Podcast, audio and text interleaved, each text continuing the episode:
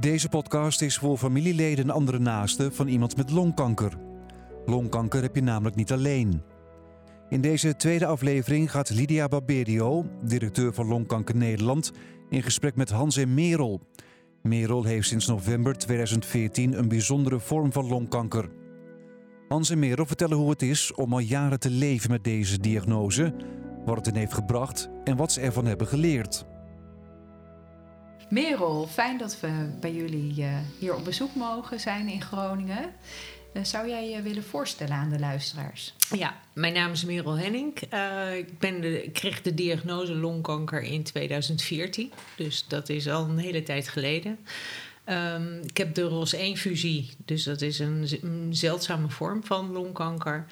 Um, op dit moment ben ik 54 en ben ik met name uh, uh, bezig met patient advocacy.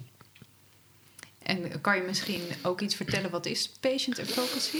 Dat is eigenlijk belangenbehartiging dat alle patiënten, mensen met longkanker, de juiste, de, de, de, juiste diagnose krijgen, maar ook de juiste middelen om, om hun longkanker te behandelen. Ja, dus eigenlijk als patiënt met longkanker zet jij je in voor de belangen van andere patiënten ja. met longkanker. Ja. Mooi.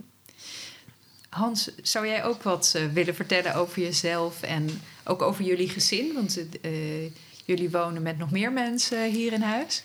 Dat klopt. En we hebben ook nog wat dieren. Uh, ik ben Hans van der Ploeg. Ik woon samen met Merel. We hebben twee kinderen, een, een jongen en een meisje. Een jongen van 18 inmiddels, dat is Bram.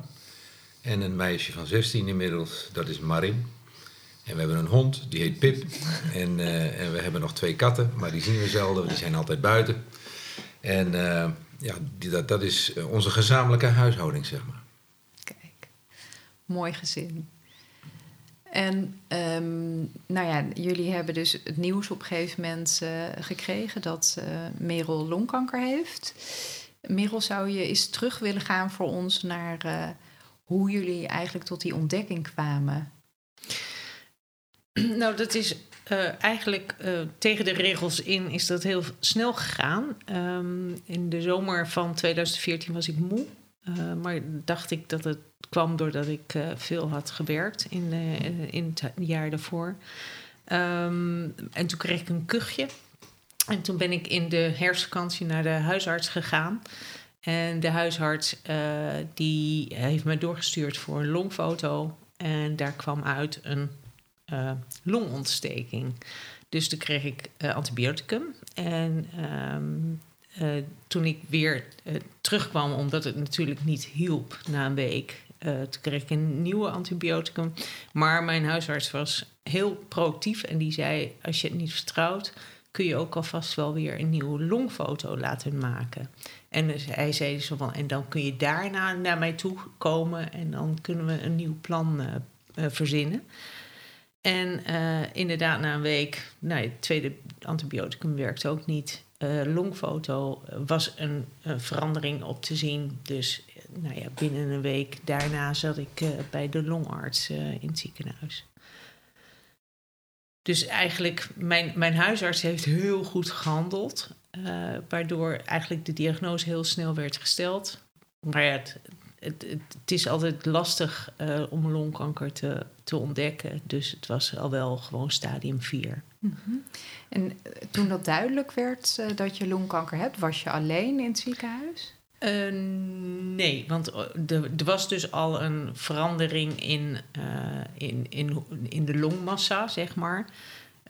Dus ik wist eigenlijk wel dat het niet goed nieuws was. En dus gelukkig was Hans mee. Dus jullie waren met z'n tweeën bij, die uitslag. En um, dat is natuurlijk al heftig. En dan moet je het ook nog aan je kinderen gaan vertellen. Hoe hebben jullie dat gedaan? Uh, dat hebben we gedaan met wat hulp erbij. Want dat, uh, nou, zoals Merel zegt, voor mij was het een enorme shock. En dit konden we niet eenvoudig. Onze kinderen waren toen tien en acht. En die kwamen net uit de basis. ja, die kwamen, het was op 11 november. En dat is normaal gesproken lampionnetjes lopen. En wij kwamen terug uit het ziekenhuis met eigenlijk een ja, doodvonnis voor Merel. En, dus we waren wel aardig in shock. En dus hebben we hulp gevraagd over hoe we dit met onze kinderen moesten regelen en, en vertellen. En op welke manier dat dan het beste kon. Ehm, dat hebben we een paar dagen later gedaan. En ja, dat was, dat was heftig uiteraard. Ja. En weet je ook wat voor soort hulpverlener dat was? Die daar, was hij erbij of hebben jullie daar alleen voorgesprek mee gehad? Nee, we hebben hier in Groningen, in Haar is dat, dat heet Het Behouden Huis. Uh, dat is een organisatie eh, waar, uh, ja, waar, waar, mensen hun laatste levensfase kunnen, goed kunnen doormaken. En daar hebben we hulp gevraagd. Mm dat was een dag later al, konden we daar terecht voor even een half uur, zeg maar, even dit op ons in laten werken. En hoe we dit richting kinderen het beste konden doen. Dus we hebben een gesprek gehad met een psycholoog daar. En die heeft ons uh, wat advies gegeven daarin. Ja, en dat hebben we opgevolgd. Ja. En wat was hun reactie? Ja, uh, ze waren 8 en 10 nogmaals. Uh, maar ze begrepen heel goed dat, dat het een behoorlijk heftige boodschap was, uiteraard. Mm -hmm.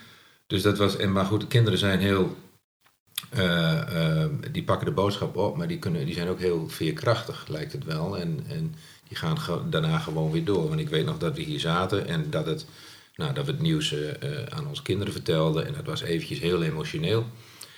En een kwartier later zat de jongste alweer lekker televisie te kijken en, en een leuke kinderserie te, te kijken. En dat was wel heel relativerend, ook voor ons. Ja. En hoe gaan ze er nu mee om? Hebben ze nog last van het idee dat toch Merel longkanker heeft? Of... Nou, we, we hebben wel uh, ze gelijk ook uh, bij mevrouw aangemeld voor rouwverwerking uh, tijdens het leven. Mm -hmm. Om zo van hoe ga je er nou mee om en hoe geef je het voor jezelf ook een plek. Um, het is natuurlijk wel zo dat ik nu al meer dan zes jaar op, nou ja, op de pillen die ik nu slik het heel goed doe waardoor ik het al vergeet. Dus ik, ik, denk, ik denk mijn hele omgeving uh, wel. Het, het, is wel zo dat als ik eens een keer uh, me niet lekker voel of veel moet hoesten en in bed lig, dan uh, komen ze gelijk naar je toe en dan hebben dat. Dus dat, die, die, die, die voelspriet, die hebben ze nog wel. Ja, ze zijn natuurlijk ook heel bewust sinds die tijd opgegroeid ze hebben eigenlijk een hele puberteit.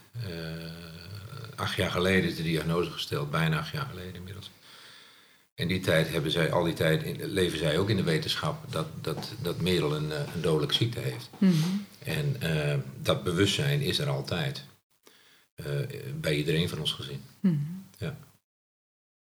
En denk je dat dat ze dus ook sneller zeg maar, volwassen heeft gemaakt?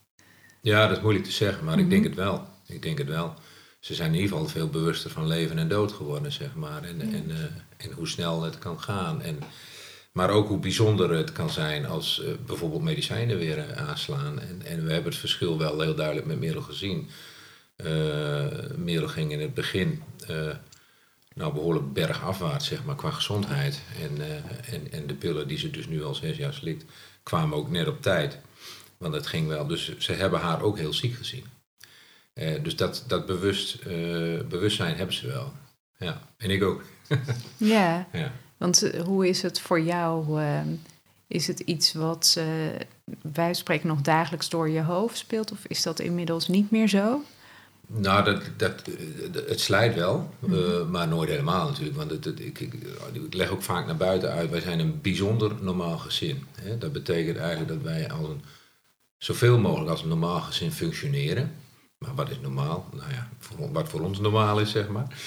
Uh, dat betekent dat alles, gewoon, alles, alles is gewoon doorgegaan wat, wat, uh, wat, uh, ja, wat normaal ook gewoon door zou gaan.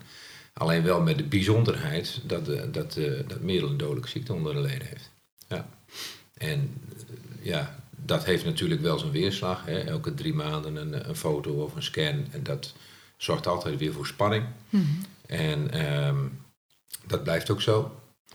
Uh, maar uh, het wordt wel minder. In die zin dat, nou ja, Merel heeft ook leren vertrouwen op, op haar lichaam.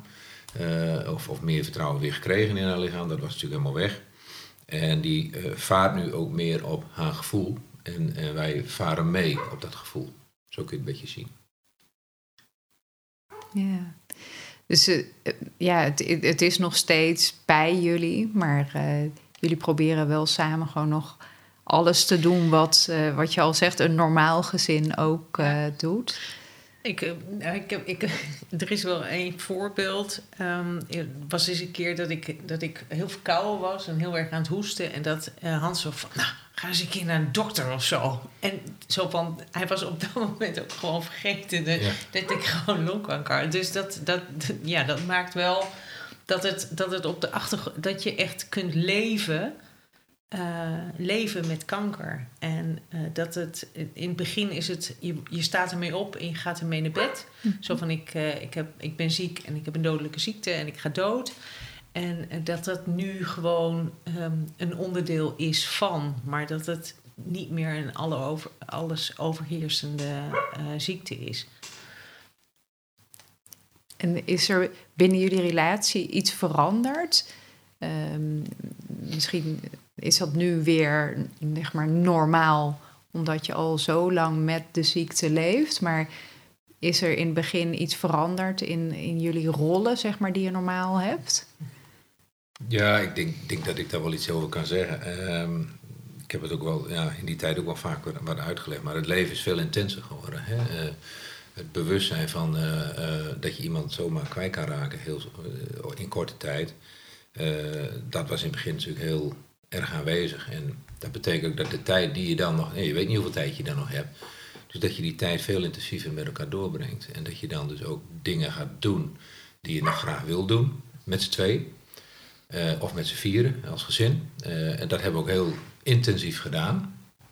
En, uh, maar, maar goed, langzamerhand zijn we ook weer een beetje in een normaal leven terechtgekomen. We leven al bijna acht jaar op deze manier. Maar als je, wat is er veranderd in de relatie? Ik heb toen ooit een keer gezegd, alles is een keer tien gegaan qua gevoel. En sinds die tijd is dat ook echt zo. Dat, dat je niet, voor die tijd had ik niet dat sterke gevoel waar ik sindsdien wel heb. Het houden van is veel sterker geworden, je veel bewuster ook. Uh, alles doen en alles nu doen, bijvoorbeeld. omdat je, ja, je weet niet of dat later is. Dus je leeft veel bewuster, maar het gevoelsleven is keer tien gegaan, zeg ik wel eens. Ja. ja. En je leert, je leert ook heel erg van, uh, van je kinderen. Uh, zeker de oudste, uh, die, kan heel, die is heel mindful.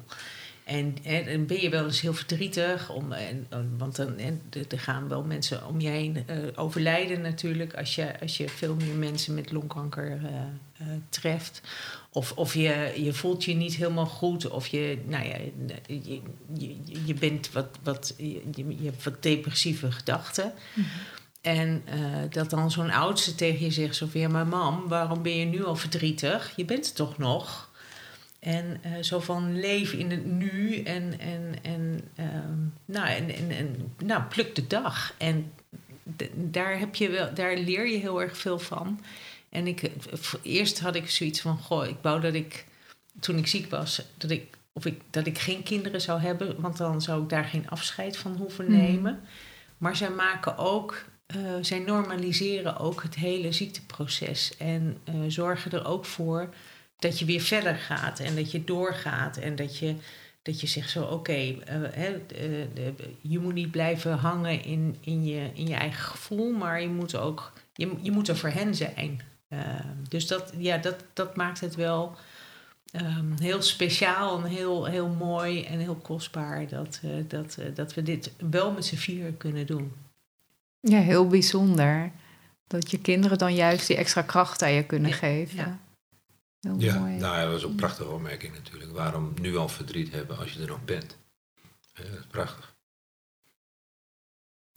En is er iets, uh, ik zal het aan jullie allebei vragen, van uh, jullie hebben een manier gevonden om hiermee om te gaan. Wat, wat zou je willen zeggen tegen andere familieleden van mensen met longkanker? Wat is jouw advies aan hun? Ja, dat is natuurlijk heel lastig. Wij zijn er op onze manier mee omgegaan. En, uh, maar dat kon ook alleen maar omdat het met Merel gaandeweg weer beter ging. En dus dat die, dat die pillen hun werking uh, deden. beginfase was dat niet zo, want toen was er een, ja, een glijdende schaal naar beneden en dan zou Merel overlijden. En, maar goed, net voordat, voordat het zover was, zeg maar, kreeg ze die medicijnen. Dus wij zijn heel dankbaar voor wat, wat, er, nog, uh, uh, wat er nog aangereikt is. En uh, daarom vind ik het ook fantastisch dat Merel eigenlijk de rest van haar leven in dienst stelt voor, voor de, de wetenschap en, en, het, en de ontwikkelingen op, in, in dit geval de longkanker. en dat ze dat omarmd heeft als haar missie. ja, dat is prachtig. Ja. Wat ik, wat ik mee zou willen geven ook aan andere familieleden, um, ook al is het moeilijk, ik denk dat de open communicatie heel erg belangrijk is. Dat je gewoon um, open moet zijn in, in wat je voelt en, uh, um, en, en, en daar ook met, kinderen over durft te praten. Want die, die merken alles. En ook, en, en ik, ik had wel met iemand, iemand zo van, nou nee, ik zeg het mijn kind niet, want ik wil dat mijn kind uh, op een uh, normale manier opgroeit. Um, en die kreeg later heel erg van haar kind te horen, zo van ja, maar uh, ik wist dat er iets niet goed was, maar jij wilde mij niet in vertrouwen nemen. Dus die, die hadden daar een veel nou ja, um, uh, wel, wel, een conflict uh, over. Dus ik, wij waren hier heel open over. Um, dat was, nou, dus in ieder geval voor ons was dat de manier om, uh, om, om ermee om te gaan. En waardoor, waardoor je ook een stuk humor erin krijgt. En de, nou, met ons met name de, de, de wat zwartschallige humor. Uh, en dat dat ook gewoon mag. Dat. Alles mag. Nu gaat het heel goed met jou. Hebben jullie het ook als gezin met elkaar over gehad? Van wat als het slechter met jou zou gaan? Um, en misschien dat je zelfs ooit zal overlijden. Wat, dat wat dan? is wel zeker hoor. Ja, zeker. Dat is, iedereen gaat een keer. Ja. Maar goed, misschien Merel iets eerder dan anderen. We hopen het niet, want het gaat nu hartstikke goed. Dus ja. wie weet. Maar praten jullie daar ook met elkaar over? Ja. Ja? Dat is een, een vind ik een normaal onderdeel van, van, van eigenlijk van elk gezin. Uh, ook al ben je ziek of niet. Mm -hmm. uh, bij ons is natuurlijk uh, de, is de relevantie wat, wat, wat groter om daarover te hebben. En nee, daar hebben we het zeker over. Um, ik zit nu de hele tijd te twijfelen: zo van goh, wil ik naar een hospice of wil ik, wil ik in een ziekenhuis of wil ik thuis? Nou ja, dat. Hè, of je wanneer je een keus hebt. Mm -hmm. En, uh, maar dat speelt door mijn hoofd, uh, want dan zie ik mooie verhalen of uh, zie ik mooie gevallen dat mensen in een hospice daar heel veel rust hebben. En en je, wil, je wilt eigenlijk voor iedereen het, beste hebben. Um, maar ik heb ook al te horen gekregen dat de, de, de grootste groep mensen gewoon wel in uh, overlijdt. Dus nou ja, nee, daar hebben we het, daar hebben we het zeker over. En um, mijn, dochter heeft bijvoorbeeld ook haar top 5 van muziek die ze wil draaien als zij overlijdt. Dus oh. het, is, het is wel weer een, een we normaliseren de dood ook in het gezin. Ja, dat is natuurlijk ook in die zin ook wel logisch, want de dood is heel dichtbij geweest, hier in huis. Hmm. Uh, en sindsdien is hij altijd eigenlijk bij ons. In, in, in, in de tussentijd, sinds Merel haar diagnose, zijn, uh, zijn de beide oma's van de kinderen ook overleden. Ook allebei aan kanker, zelfs één aan longkanker. Uh, en dat proces hebben ze natuurlijk ook meegemaakt en meegekregen. Dus uh, die bewustwording is er, is, is er zeer sterk eigenlijk bij de kinderen. Dus het is, maar het is een, een normaal onderdeel geworden eigenlijk van ons. Dus wij kunnen er zomaar uh, bij het avondeten gewoon over hebben, bij wijze van spreken. Ja. Ik denk een heel mooi voorbeeld, omdat het toch voor veel mensen een heel spannend onderwerp is om over te spreken. En op het moment dat het dan zover is dat iemand gaat overlijden, dan weet je eigenlijk niet wat iemand voor wensen heeft. Dus ik denk wat dat betreft ook uh, ja, dat meegeven aan, uh, aan ja. mensen als, ja. uh, als wat, tip. Wat, wat ik wel um, heel vaak ehm, eh, hoor, terughoor van andere mensen met longkanker, is dat eh, op het moment dat ze diagnose krijgen en dus een doodvonnis, dat ze gelijk allerlei dingen willen gaan regelen. De, eh, eh, hoe zit het met de hypotheek? Hoe zit het met de verzekeringen? Hoe zit, waar wil ik begraven worden? Eh, wie wil ik dat er uitgenodigd wordt? Eh, nou, dat soort zaken. En ik denk dat ik denk dat dat een, ook een normaal onderdeel is van het proces van ehm, accepteren dat je ziek bent. En, en, eh, eh, Heb jij en- ook gedaan? ja, gelijk. Dat, en dat, ik wilde daar rust in vinden. Dat in ieder geval de hele zakelijke en hele, nou ja, de technische kant, dat dat gewoon goed geregeld is. En dat je daarna de, de mogelijkheid hebt om veel meer op emotioneel vlak eh, met elkaar te, te, overleggen en te sparren. Ja, Merel wilde heel duidelijk eerst de praktische zaken allemaal geregeld hebben. Dus hoe laat ik mijn gezin achter? En toen dat eenmaal geregeld was, was er een bepaalde rust. En eh, ik weet nog wel dat jij toen zei, van, nou, eigenlijk is dat wel het fijne van zo'n ziekte. Dat je dus eh, de aanloop naar de dood eh, eh, gewoon volledig de regie nog hebt in, eh, in heel veel zaken. En, en in bijna alles, behalve de uitslag. Maar alles was geregeld. En, en, en, eh, ik, heb, ik heb het er ook wel eens over gehad, eh, over dat je nu eigenlijk, ehm, als ik nu dood zou gaan, dan heb ik in ieder geval goed afscheid kunnen nemen. En eh, ik denk dat dat een, nou wel een, een, eh, iets moois is. Nou, niet iets moois, maar ehm, iets moois kan zijn eh, in, in ziek zijn. Dat je, dat je heel bewust ook afscheid zou kunnen nemen. Ja, zeker. En niet alleen voor, voor jou als patiënt, maar ook voor de mensen die er dan nog wel zijn. Dat je weet, dit is echt ja, hoe in jouw geval dan Merel het gewild zou hebben. Daar Ja. hoef je dan niet over na te denken van, is dit goed? Want dan, dat weet je dan. Ja, Klopt. En dat geeft ook in de verwerking, denk ik, veel meer acceptatie. eh. Ja. Maar gelukkig is het niet zo ver, want eh, je zit hier eh, springlevend en heel actief, eh, ook voor andere patiënten aan tafel. Ehm, vanuit het vele werk wat jij doet, ehm, ook eh, ja, in, de belang, in het belang van patiënten, is er nog een onderwerp wat we niet hebben besproken waarvan je zegt, goh, dat wil ik graag nog, eh, nog toevoegen. ik denk, ehm, ik denk dat seksualiteit wel een belangrijk onderwerp is, die eh, eigenlijk ook nergens besproken kan worden. Dat ga je niet zomaar met je oncoloog bespreken. En wat, ik, wat ik veel terughoor, is dat echt seksualiteit wel heel erg verandert. Het kan te maken hebben dat je je lichaam niet meer accepteert, want jouw lichaam heeft jou gefaald. Hè? Want die is, dat is ziek geworden. En, eh, maar ook zo van, en, maar, en, en ook dat je, dat, je, dat je zelf dus verandert eh, daarin. En, eh, hoe, ehm, en hoe ga je daarin ook, welke rol neem je daarin ook naar, je, naar je partner toe?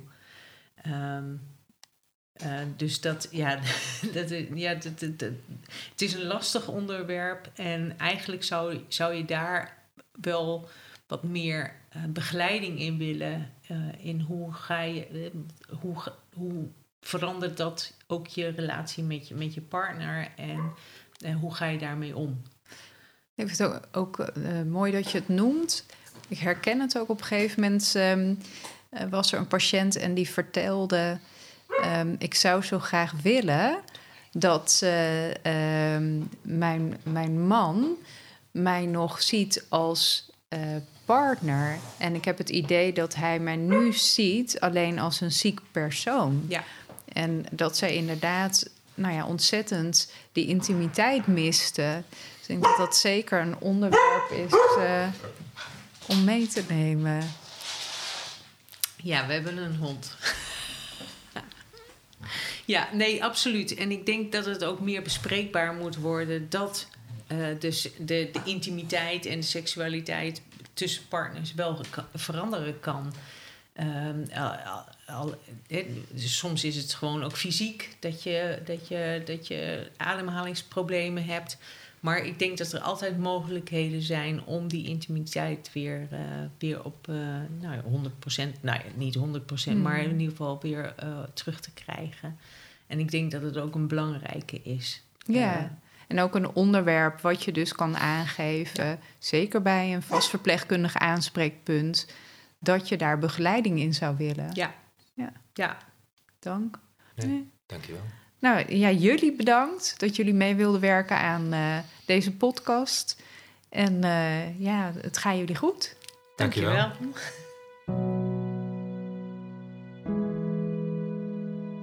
Dit was deel 2 van de vijfdelige podcastserie Longkanker heb je niet alleen. In de volgende aflevering hoor je het verhaal van Diana van de Wende. Zij verloor haar man aan longkanker.